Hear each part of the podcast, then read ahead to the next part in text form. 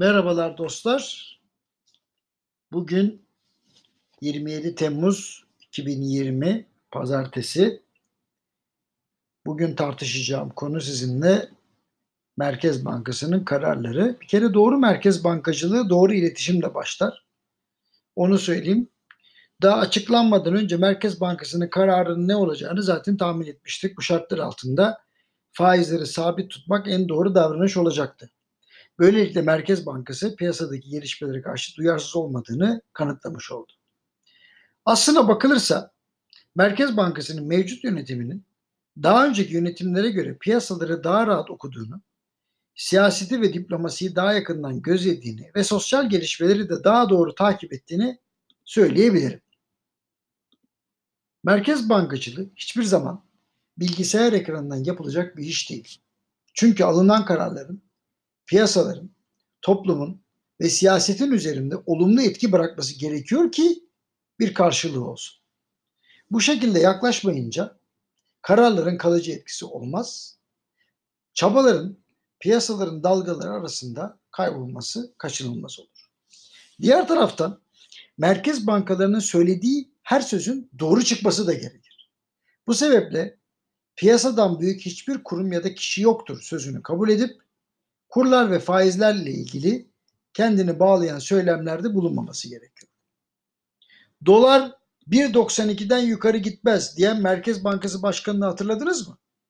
Bence unuttunuz.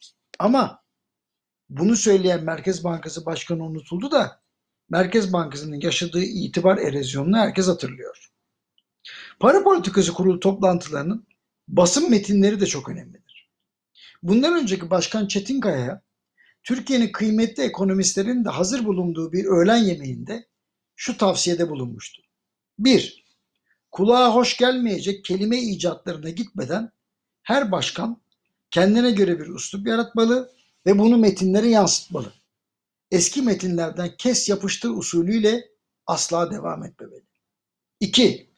Asla ve asla siyasete, piyasalara ve yatırımcılara karşı memnun etmek anlamıyla veya yaklaşımıyla realiteden uzaklaşmamalı. 3. Yabancı dilden kötü şekilde tercüme edilen aşağı yönlü riskler vesaire gibi uyduruk ibareler kullanılmamalı. Metinler herkesin anlayabileceği nitelikte ama Merkez Bankacılığına yakışan derinlikte olmalı. Ben bugün de aynı maddeleri dikkat çekiyorum. Merkez Bankası'nın son basın açıklamasını göz atarken neden faizi indirmedim ile neden faizi yükseltmedim, yükseltmedim şeklinde yaklaşımlara rastladım. Basın açıklaması metni dengeli yazılmış olsa da enflasyon, talep, büyüme, faiz ile ilgili yaklaşımların çelişmekte olduğunu da gördüm. En azından okuyanlar için. Anladığım kadarıyla Merkez Bankası şunu diyor. Enflasyon düşebilir. Çünkü önümüzdeki 6 ay talep zayıf seyredecek gibi duruyor. Bu sebeple faizi yükseltmedim. Ekonomik aktivite Mayıs ayından beri yükselişte. Büyümede problem görmediğim için de faizi düşürmedim. Şimdi böyle bakınca insan hakikaten aklı karışıyor. Neyse.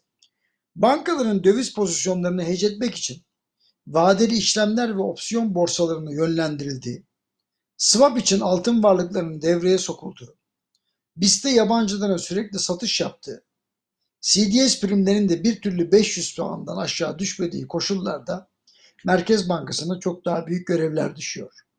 En başta herkesin anlayabileceği lisandan konuşmayı başarması gerekir diye düşünüyorum.